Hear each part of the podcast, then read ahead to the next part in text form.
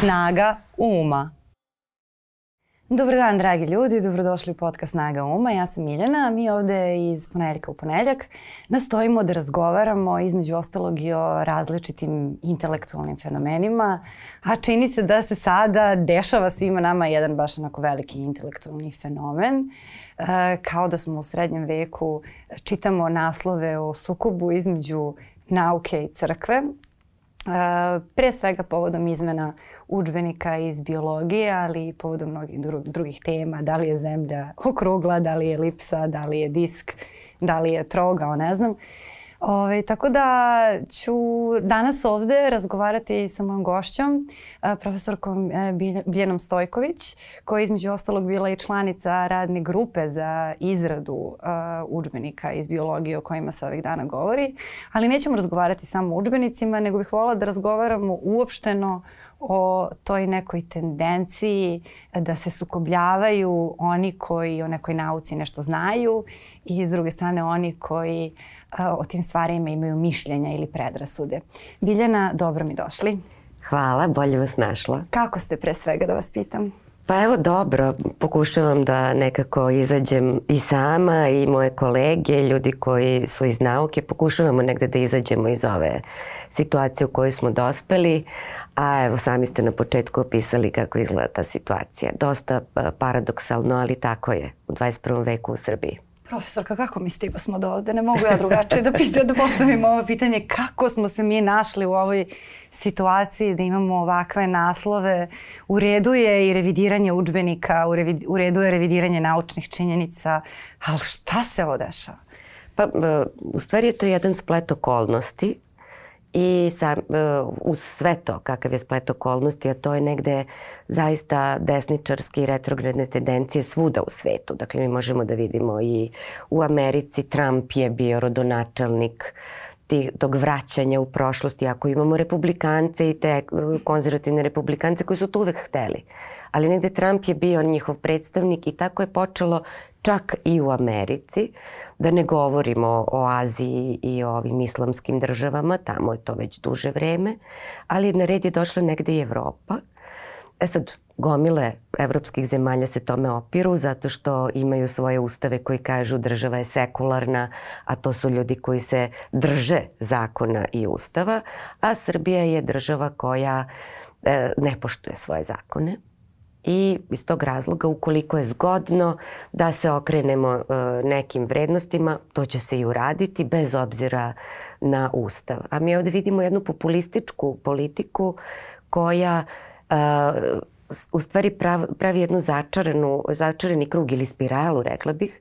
S jedne strane um, neguje taj tradicionalistički, uh, retrogradni, klerikalni duh koji je postojao, koji od uvek postoji, naravno postoji u svakoj državi, s jedne strane to neguje, time povećava broj ljudi koji su u, u, u toj priči, a onda populistički u stvari opet pliva na tom sentimentu koje je napravila i to kao spirala podiže se na sve veće nivo i evo stigu smo mi do toga da poričemo i nauku i da se negde vraćamo nekim uh, crkvenim, ja ne znam kako bih to mogla da nazovem, teorija je naučni pojam. Ne mogu da kažem crkvene teorije, to su neke, nemam pojma, razmišljanja koje veze ni sa čim nemaju. A, ali, znate šta mene to zanima? A, kako ljude nije sramota da naučnicima objašnjavaju nešto što, o čemu oni imaju mišljenje? Mene bi bilo sramota da vama objašnjavam evoluciju. Kako kako se prelomi taj, taj mm -hmm. moment kao sad ću ja da dođem da nekome ko je doktor nauka objasnim nešto iz tog polja. Mislim, ok, e, na, naučne činjenice se često nadograde, ali ih nadograde oni koji su učeni od ovih prethodnih. Yes. Nikad ih nije nadogradio neko ko je sedeo na klupi i rekao, ma, meni se tu nešto ne uklapa. Ne, nadograđuje ih e, zapravo nova saznanja nauke. Da. Dakle, nešto do nečeg se novog dođe i onda se vidi da li se neko prethodno objašnjenje, jer teorije jesu sistemi objašnjenja fenomena u nauci. Znači u nauci kad kažete teorija, to vam je kao general u vojsci. To je sistem objašnjenja koji povezuje činjenice, nudi pojašnjenja o mehanizmima koji su organizovali ti činjenice, odnosno doveli do toga da mi uočavamo svet tak, takvim kakvim jeste. E sad neke nove činjenice koje nauka saznaje zbog novih tehnologija, prosto zbog jeli, proširivanja znanja, se ili uklapaju u te teorijske konstrukte Ili jednostavno dođemo do toga, to se dešavalo kroz istoriju nauke, da neka teorija mora biti odbačena i mora, uh, uz, uzimajući u obzir nova saznanja, da napravi neku novu uh, naučnu paradigmu i nauka na to nije imuna. Dakle, to je što se tiče same nauke, kako se ona uh, razvija, a ovo što danas svako misli da može jeli, da obara naučne činjenice negde sedeći tako na, na klupici i razmišljajući o nečemu, pa mu nije jasno i onda se ne slaže sa naukom. To je jedan, evo rekla bih, postmodernistički trend ili prošle ili pretprošle godine post-true, post-istina e, je bila reč godine.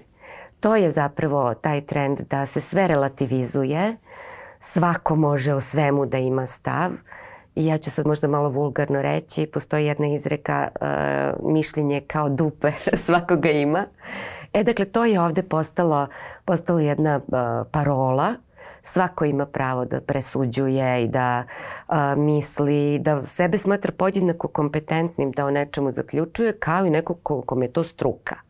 Dakle, to je taj postmodernistički relativizujući uh, trend i mi u stvari smo došli u taj problem da ceo svet, a posebno ovako države koje su nerazvijene, koje uh, nemaju ni dovoljno obrazovano stanovništvo, uh, upadaju u taj, taj trend. Dakle, znanje nije ni važno.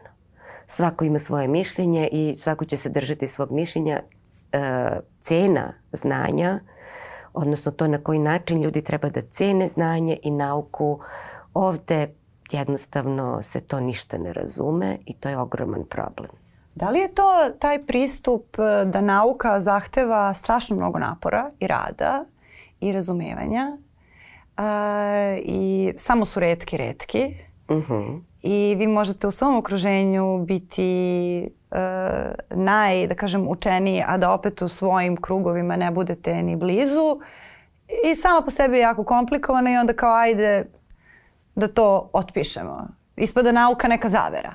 Da, da, da, vrlo često, eto i to je, mislim, imamo taj proboj tih zaverenika, uslovno govoreći. Dakle, ono što ne razumeš, što ti nije jasno na prvu loptu, a ipak za nauku i za neke koncepte potrebno je prvo da imaš određeni određeno znanje, određeni logički kapacitet da bi povezao i razumeo o čemu se tu radi.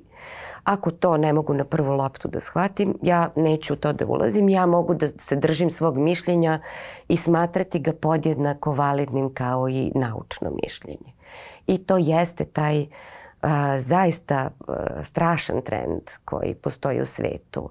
Imate tako i u obrazovanju. Dakle, kada čitate neke sada a, analitičke tekstove o trendovima u obrazovanju, a, svetske, dakle ne a, kod nas, a, često možete da pronađete jedan pojem koji se zove antiintelektualizam, a on stvari podrazumeva da sada države, savremene države imaju ideju da građane treba edukovati a, samo za određene vrlo usko specifične poslove jer je to potrebno tržištu rada. Dakle, a, obrazovanje se u savremenom svetu u ogromnoj meri a, okreće tržištu rada i potrebama poslodavaca izgubila se svest o tome da jedna država treba da obrazuje svoje građane, da zaista budu građani svesni sveta oko sebe, kritički osvrnuti na društvo, državu i prirodne zakone, prosto da razumeju šta se dešava i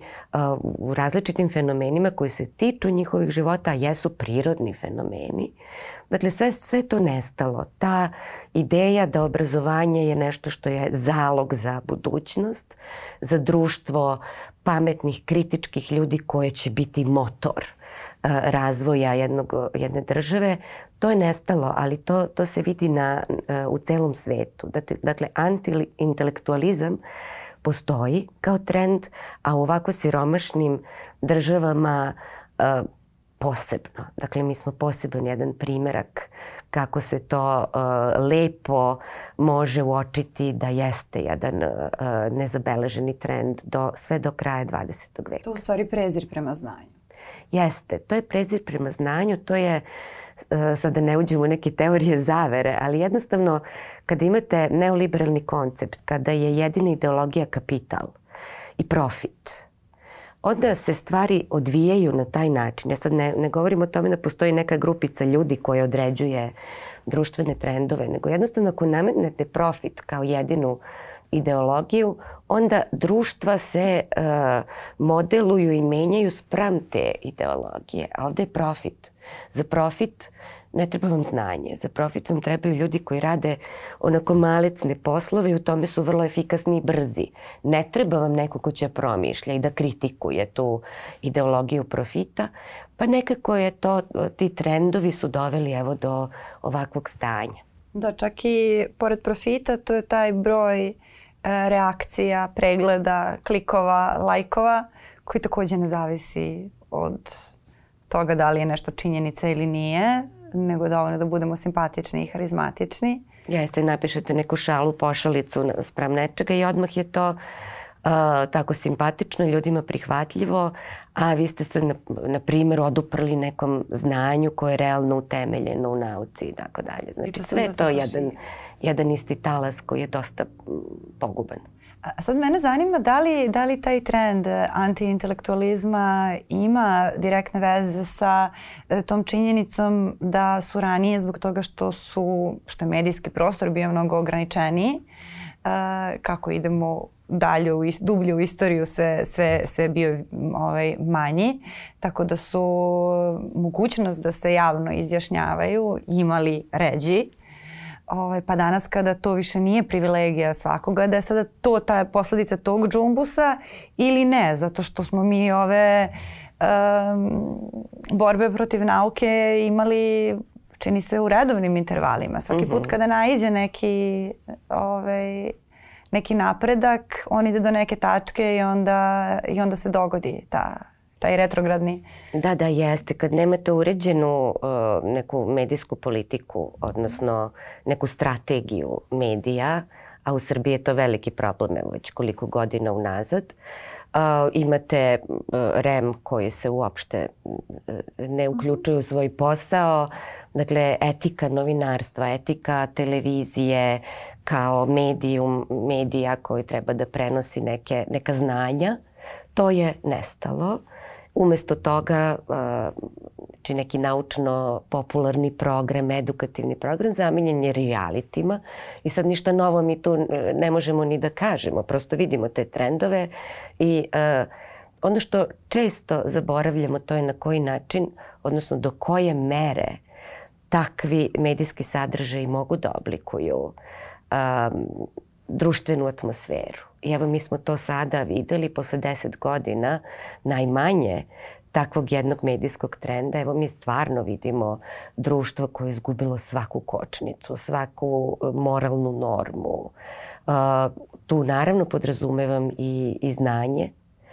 Uh, ne ceni se znanje, zašto bi se onda neko bavio sticanjem znanja, nego idemo tako taj uh, mainstream koji se nametnuo je daleko od e, stimulisanja saznavanja, znanja, nauke, obrazovanja. I vidimo da je to jedno društvo e, zaista ekstremno dovedeno do, do loših, loših trendova, ponašanja, atmosfere, svega. Vi ste profesorka.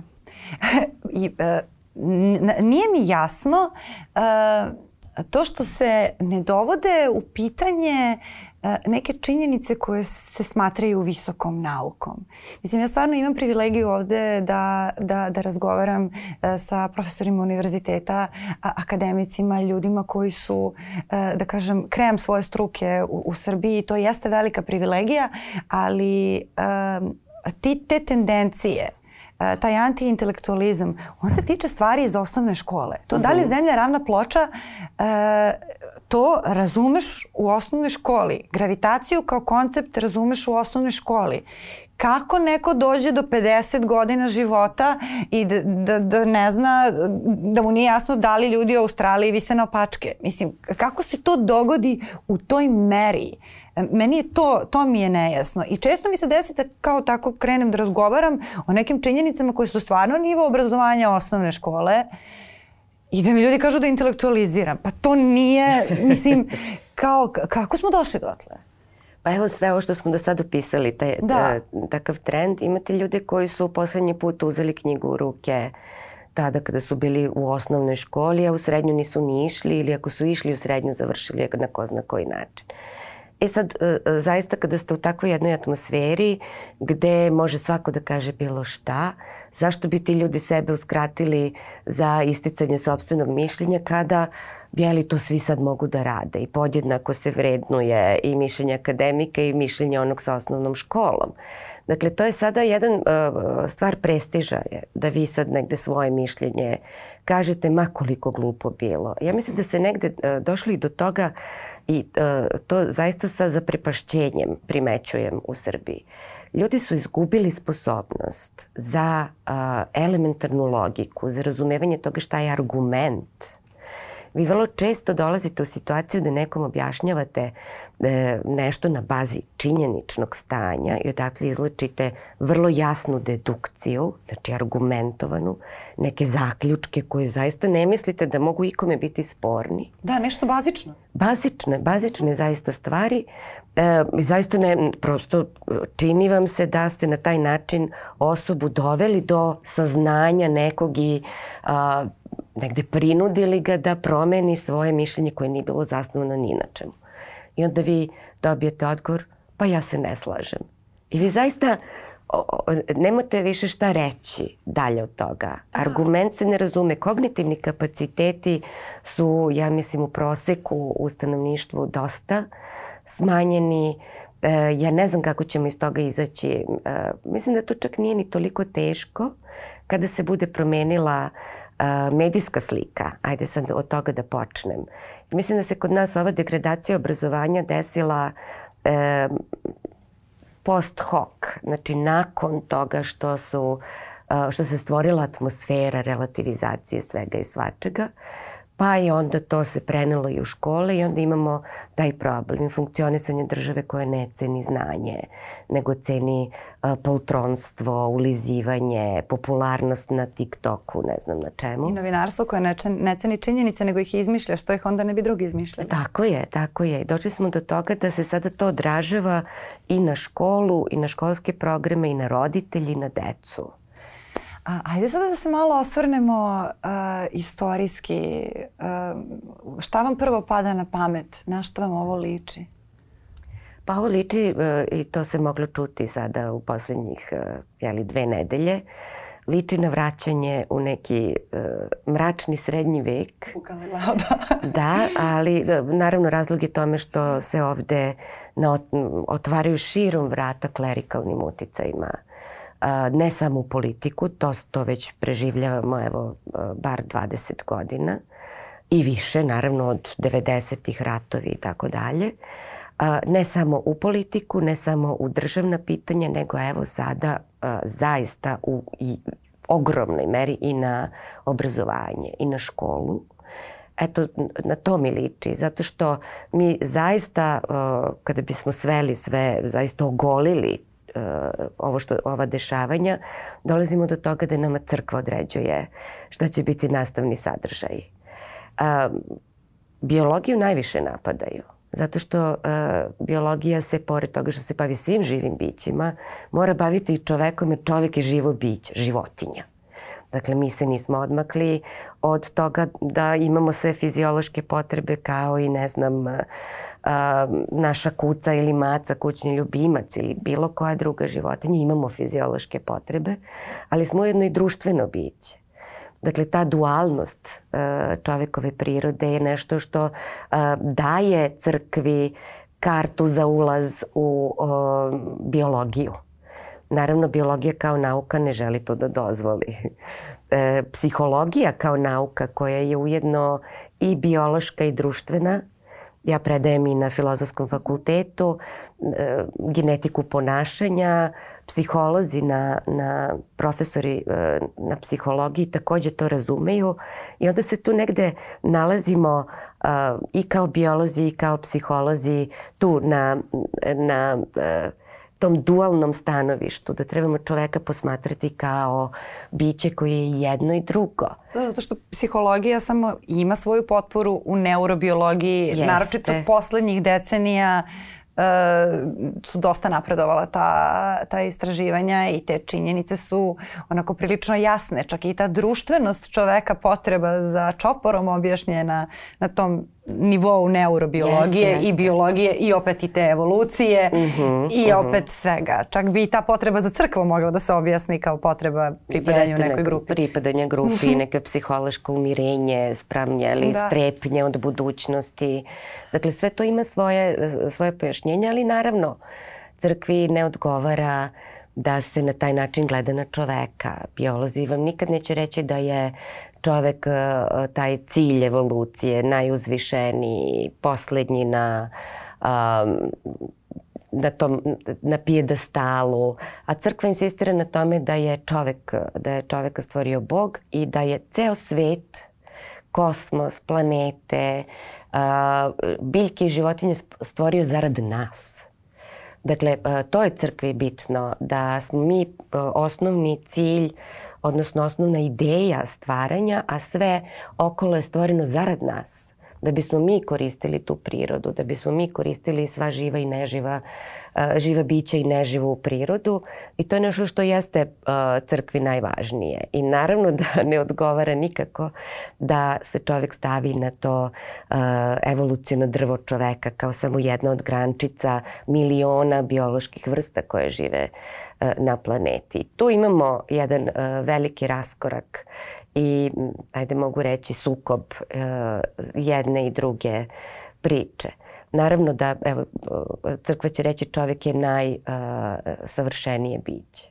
Pa hajde stavite čoveka u savanu sa lavom pa ćemo videti ko je savršeniji koliki smo mi predatori, da li brzo trčimo, da li um, lovimo ukoliko nemamo oruđe. E, dakle, sve to pokazuje da naša adaptacija kroz evoluciju na životne sredine u kojima su naši preci živeli nije baš savršena i da da se nije desilo, sad ja kao biolog mogu da vam pričam koje sve promene u i genetički i razvojne u mozgu koje su se desile, znamo tačno i kada i na koji način, u biološkom smislu mi ne bismo opstali kao vrsta. Dakle, bilo je pitanje slučajnosti da naš mozak krene u tom smeru evolucije, da mi imamo tu alatku za uh, opstanak Za prilagođavanje u stvari. Za prilagođavanje, da. dakle samim tim i za opstanak u, u svetu u kom smo živjeli, u kom danas živimo.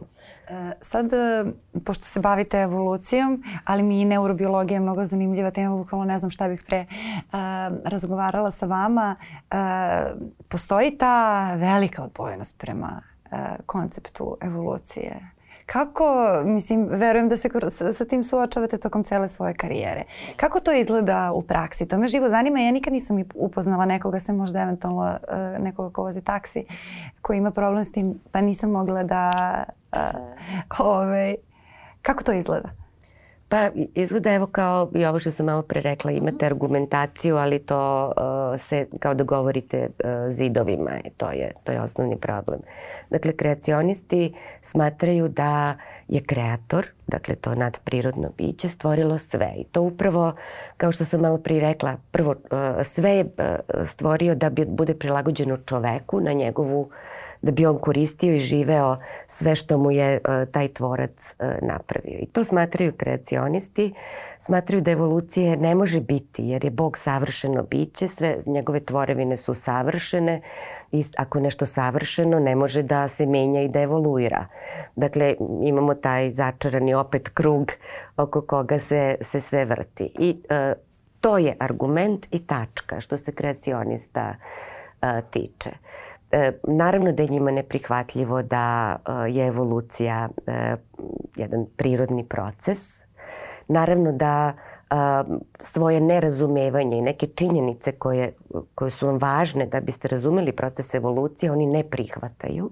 I u startu oni već imaju, kreću od premise da toga nema, činjenice koje im izlažete a, negiraju, neće da ih uklope tim logičkim aparatom i na tome se cela stvar a, završava. Ja često imam te a, sukobe sa kreacionistima, odmah vas uh, okarakterišu kao antihrista, kao naravno u Srbiji kao uh, antis uh, i svašta drugo jer je taj identitetski paket ovde veoma jak. Ali kako oni recimo objašnjavaju sada evo poslednja neka pojava koju bih ja mogla kao, kao laik da povežem sa onim što je naše prilagođavanje svetu u kom živimo, činjenicu da je svaka nova generacija prosečno viša da su sva deca uglavnom krupniji od roditelja zato što je hrana dostupnija, da ulaze u pubertet ranije, u reproduktivni period ranije upravo zbog toga e, što prosto opažaju da nema gladi kao što je bilo mhm. pre već 100 godina što je vrlo malo istorijski gledano e,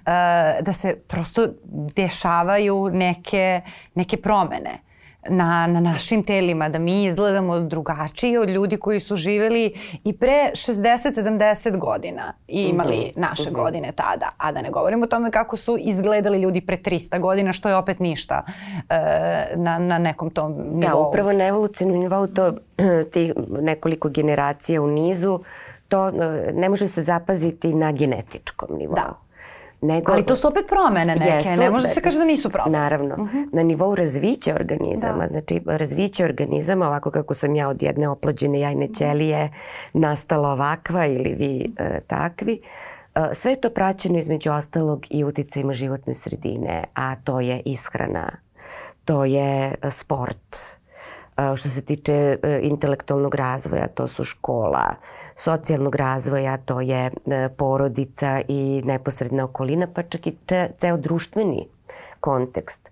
To sve jesu stvari koje utiču na to da a, jedna jedinka od oplođene jajne ćelije se izgradi, a, izgradi i fizički i psihološki na drugačiji način.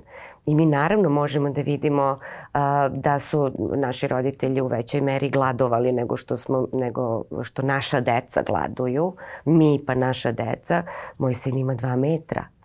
A, a, pri čemu u mojoj porodici nije baš bilo pre, pretarano visokih ljudi, nisu ni niski, ali ne toliko i visoki, što je naravno posledica ishrane e, to i nije sama evolucija per se. Ona samo pokazuje da neki spoljašnji da. uticaji utiču na proces razvića. Sama Meni evolucija je, bilo, je genetička. Ja sam se uhvatila za to zato što računam da je ljudima nekad teško uh, da zamisle nešto što ne mogu da vide. Ali ovo je nešto što možemo da vidimo. Uh mhm. -huh. I kako se, onda, kako se onda držimo toga da se ne menjamo kad vidimo da smo se promenili. Taj mi je... Uh mhm. -huh. Kako se to objašnjava? Pa, pa ne, opet, opet, ne objašnjava da, se kao da. to ti je to. Ali postoji to dosta psiholoških momenta. Uh mhm. -huh. Dakle, kad kažete evolucija, vi po defaultu kod mnogih ljudi izazivate uh, otpor zato što evoluciji, odnosno uopšte nauci, nije potreban Bog za objašnjavanje fenomena. Dakle, svaka nauka počiva na nečemu što zovemo metodološki naturalizam. Dakle, upotrebit ću činjenice prirode ili društvene, fenomene da bih objasnio neki proces ili neki uh, nek, društveni razvoj ili bilo šta. Dakle, to važi i za, i za društveni i za prirodne nauke. Dakle, metodološki naturalizam nikada ne poziva neke nadprirodne sile da nam objasni, recimo, ajde zadržat ću se na prirodnim fenomenima. Znači, ne treba nam to. E sad, pošto to nije potrebno nauci, mnogi ljudi odbacuju nauku zato što su religiozni. Međutim, vi imate naučnika koji uh, jesu religiozni, ali se drže metodološkog naturalizma. Među biolozima, posebno evolucijnim biolozima, takvih ljudi je vrlo malo, ali u nekim granama nauke ih ima imate nešto što se zove ontološki naturalizam. To je um, ideja, odnosno stav o tome da ni ne postoji ništa nadprirodno. I to se vezuje za ateizam. E, dakle, tu dolazimo do tog problema, jer ako vi nauku uh, ako želite nekom naučno nešto da, da pojasnite ili recimo pričate o evoluciji, postoji taj a, psihološki moment straha, jer to je strah od toga da nisam nekad postojao i da je, doći će vreme kada opet neću postojati. Taj strah od, od nepoznatog, strah od nepostojanja je zaista jako moćna uh, uh, kako bih rekla, moćno gorivo za religiju, za verovanje, za samim tim odbacivanje uh, nauke. I to sam vrlo često uh, mogla da vidim. Znači, uh, strah od, od nepostojanja, od nekog bezdna, gde, gde vas nema. Uh, ja zaista verujem da je to možda najveći razlog zašto ljudi sebi čak ni ne dozvoljavaju da, da razume evoluciju, ne žele da ulaze, psihološki imaju problem da ulaze u, u takve teme. Dakle, imamo to i onda kada se zauzme jedan odbojan stav, onda vi zapravo ne možete ni da priđete toj osobi i njenim, njenom kognitivnom aparatu, jer uh, tu emocije prevladavaju. E, tu sam pročitala neku statistiku skoro da u poslednjih recimo 50-60 godina, možda čak malo i jače, uh, mi i dalje imamo više manje iste iskonske strahove, strahove od zemljotresa, od velikih prirodnih katastrofa, od pada aviona i, i tako, tako dalje, od otmice, od uh, gubitka potpune kontrole i slično, ali da je mnogo više ljudi umrlo od skepse prema nauci. Mm -hmm. Brojčano brojčano. Brojčano gledano od uh, odbijanja antibiotika, od odbijanja transfuzije na primjer. Da, transfuzije, da ne govorimo o transplantaciji, svim tim nekim stvarima da da je brojčano to veća pošast ako tako može da se nazove nego neke, kak, neke katastrofalne zemljotresi, uragani i slične katastrofe u kojima se danas mnogo manje gine nego što se ginulo pre 100 godina zato što su naravno i službe, službe za spašavanje mnogo ažurnije, e,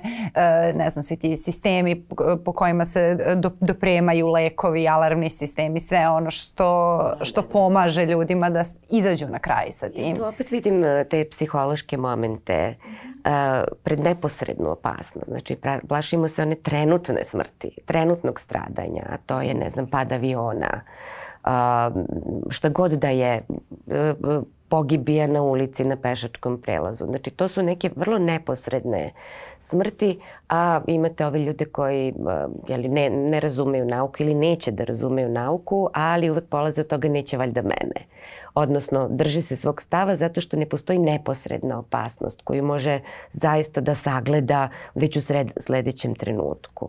Dakle, lako je odbacivati nauku kada ne osjećate uh, vrlo izvesnu opasnost od toga što uh, odbijate da razumete nauku.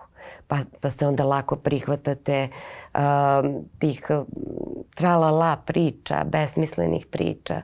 Ljudi jako vole, vi kao deca mi volimo bajke i mi volimo, um, kaže se i u razvojnoj psihologiji da deca uh, vrlo lako prihvataju religiju zato što zato što je ona bajkovita, zato što je to magijsko mišljenje. I to se vrlo lako uklapa u tu veliku maštu koje, koje deca imaju. I možete svašta da im utuvite u glavu i da, da ih ubedite da je nešto od toga tačno i uh, onda je sve lakše za, za uh, religiju i za to primanje takvih nekih stavova. Isto tako i teorije zavere. Uh, lako vam je da uđete u jednu grupaciju koja uh, imate pripadnost nekoj grupi koja se opire nečemu i onda nađete svoj kružok istomišljenika pa ste vi zajedno. Čopor. Čopor, jedna grupa. Dakle, sve to uh, za kognitivno sazrevanje, um, intelektualno sazrevanje u smislu učenja, u smislu sticanja znanja je mnogo teže. I zahteva mnogo više e, stvari, um, mnogo duži period da biste shvatili da zaista pripadate jednoj moćnoj grupi ljudi koji nešto znaju i koji doprinose civilizaciji. A i moguće da, da ljudi osjećaju zadovoljstvo kad pametuju? A ne osjećaju zadovoljstvo kad uče i onda samo reše da pametuju. A pa to je svakako, da. Imate puno ljudi koji kažu da eto nisu završili škole zato što oni nisu uh, mogli da sede i da uče, to je to zadovoljavanje um, sitnih poriva. E, e, postoji u psihologiji, sad ja nisam psiholog, ali prosto dosta se družim s njima i dosta o tome čitam. Uh, postoje ljudi koji uh, ne mogu da odlože svoje zadovoljstvo. Dakle, moraju, moraju da zadovolje svaki svoj trenutni poriv. A jako je važno kada se posvetite nečemu, To znači da ste negde sebe odvojili od nekih sitnih primar, primarnih zadovoljstava. Već se bavite nečim drugim. Naprimer, čitate, naprimer, učite, a odložili ste zabavu neku. A, to neki ljudi, ne, mislim, prosto neće. A, oni koji na kraju nauče, koji se posvete nekom ozbiljnom, pametnom poslu, to su ljudi koji umeju da odlože svoje zadovoljstvo, koji kažu ok, sada ću ovo uraditi, a zabavljaću se, ne znam, za tri dana kada ovu neku stvar završim. Naprimer, studenti kada studiraju. Um, I koji pronalazu ispunjenost u tome što yes. otkrivaju nešto. A da, ne da, da. Uh, uvek uh, ti ljudi koji odlože svoje zadovoljstvo, onda u tom zadovoljstvu još više uživaju. Kada ostvare ono što su uradili, ali to treba da se nauči negde. I to treba da se, uh, da se negde spozna da odlaganje zadovoljstva može da vam donese još veće zadovoljstvo. Prvo zato što ste nešto uspeli, a drugo i čisto zadovoljstvo koje ste odložili na tri dana. Dakle, to ide sve jedno s drugim i daje jednu sinergiju osjećaja zadovoljstva i samopouzdanja. Da, ispunjenosti neke koje posle ne mora na neki agresivan način da se dokazuje da. jer se ne fingira u stvari, mm -hmm. nego je realna. A koje su najveće gluposti koje ste čuli u, u, na ovu temu? Ka, oh, pa kao to je sad... osoba koja se bavi evolucijom, na primjer. O, dosta je to bilo gluposti. Recimo, na jednoj tribini, opet je to bio neki uh, razgovor sa kreacionistima, mada je teško to nazvati razgovorom. Jer oni su, oni se ljute, odmah vam lepe etikete, kao što sam rekla, antihrist, antisrpkinja i tako dalje. Vi morate negde se pravdate njima što zastupate neke naučne stavove. Na jednom skupu je jedan stariji čovek rekao, vi lupate gluposti, vi sad hoćete meni da kažete kad bih ja skočio sa prozora da bi meni uh, izrasla krila. Dakle, stvarno dolazite u problem. Ja sam molila čoveka da nikako ne skače za početak kroz prozor. Uh, pokušala sam da objasnim šta evolucija jeste, a šta evolucija nije. Kao ne, neće vam izrasti krila, izrašit će meni rogovi od ovog jeste, razgovora. Jeste. To je recimo bilo, to uopšte nije naivna To nije evolucija, situacija. to je ironija, ali to je kao druga stvar. To, to uopšte nije da. naivna. Onda, I to recimo, do te mere ostrašćeno. Jeste. Uh, to, to je ta ostrašćenost zapravo možda glavni, glavni Imali smo mi 2004. godine, ako se sećate. Da Ljiljanu Čolić, mi smo je svi nazvali Ljiljana Darvin Čolić, koja je htela da, ona je bila ministarka prosvete i žele da izbaci lekcije o evoluciji iz e, školskog programa. Njen je recimo argument e, bio sledeći, kaže ako, ako je ta evolucija tačna, to znači da bi onaj semi uh, šimpanza koji je tad živeo u zoološkom vrtu do sad već postao čovek. Dakle, to duboko, duboko nerazumevanje. Ona nije ni, ni pokušala da, da shvati evoluciju. Evo, ja sad to mogu... nije neobrazovana osoba. Znači, to nije to, to nisu neobrazovani ljudi. Ona je bila profesorka nekih orientalnih jezika, koliko se sećam na filološkom fakultetu, ali sve jedno, bila je ministarka prosveta u nekom trenutku. Evo ja mogu da objasnim evoluciju za, u, u, u tri rečenice, ajde možda ne tri. Tako objašnjavam deci i to, to apsolutno nije nerazumljivo. Obično koristim zeke kao... Da. kao kako, da, kako objašnjavate evoluciju deci? Ajde, baš. Da, da, da. Uh, pa evo, imamo zeke u nekom polju. Uh mhm. -huh. Svi oni imaju različite dužine nogu, na primjer i ušiju. Nijedan zec nije identičan međusobno. Tako da, naravno, u tom razviću dužine nogu kod zeka učestvuju neki geni koji upravljaju razvićem celog organizma. E sad, ako mi imamo različite zeke i zamislimo sada da na to, na to polje gde živi ta populacija zeka dođe, dođu lisice, predatori. I pretpostavimo da od dužine nogu zeka zavisi to koliko će brzo da trče. Oni koji imaju duže noge brže trče, njih lisice teže hvataju. Šta to u stvari onda znači?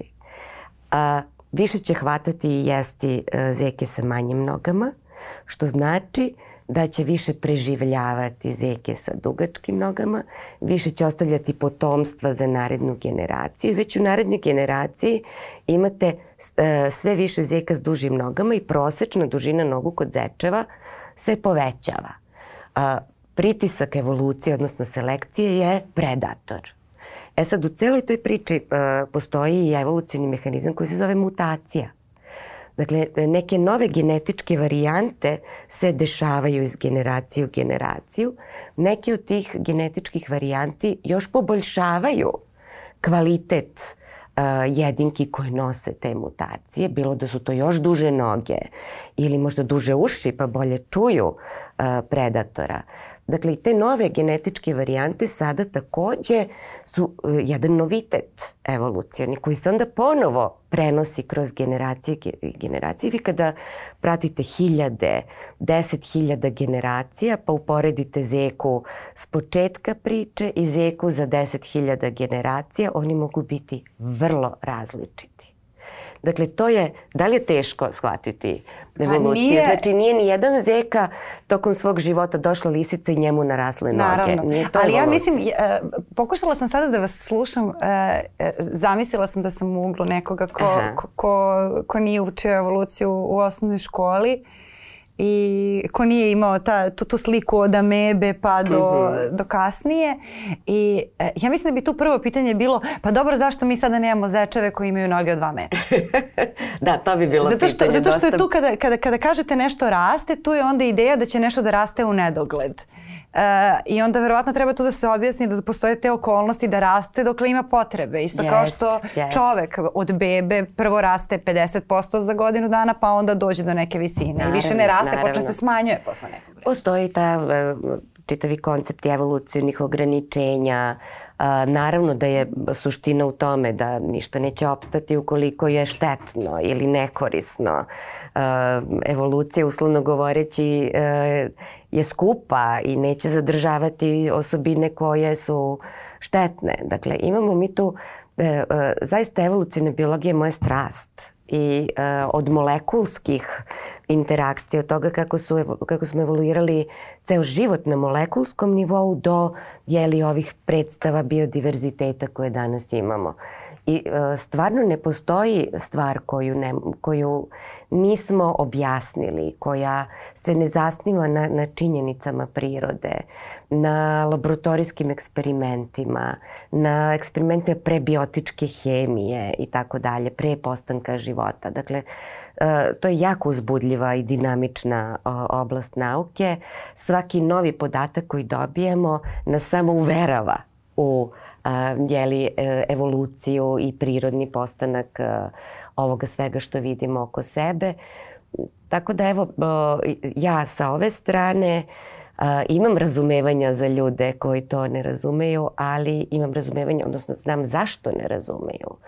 Ali krivim i e, uopšte društvo, krivim prosvetnu politiku, e, krivim tendenciju da se vraća crkva u društvo, u državu, u politike koje ne bi smela da dira, pre svega u prosvetu. Dakle, vraćamo se unazad. Ja to sve razumem, to sve vidim, to me čini očajnom i uradit ću sve da do toga ne dođe. Već radim, pored toga što se jako nerviram, radim i druge stvari, dakle, pokrećem neke a, a, jeli, neke akcije koje će se tome usprotiviti, ovo ne može dugo da traje. Dakle, ova, ova retrogradni trendovi, ovaj bahati upad u crkve, u obrazovanje, e, neće moći dugo. Dakle, neće moći ni ovaj režim dugo. A onda treba ozbiljno da sučemo rukave i da ponovo vratimo Srbiju na a, onaj put koji zaslužuje, a to je moderni svet nećemo da pratimo loše trendove, želimo da budemo moderna država i moderno društvo sa ljudima koji razumeju moderni svet. Dakle, antiintelektualizam a, zaista treba da ostavimo po strani. Moje je ubeđenje da obrazovanje jedne države, e, jedna država u stvari mora da obrazuje građane da budu građani. da razumeju kontekst u kome žive, da budu kritički nastrojeni, a ne da obrazuju radnu snagu za uh, kompanije. Dakle, to je bitno da se ovde razume, da se uh, obrazuje svesni građanin. To je dužnost države. No, hvala na ovom razgovoru. Sada kako smo priveli ovu kafu kraju, mislim da bolji zaključak nismo mogle uh, mogle da imamo. Jer to, je, to, to nas onda dovodi i do toga da ljudi sutra će možda znati da rade šta na svom radnom mestu, ali će se plašiti da popiju antibiotik.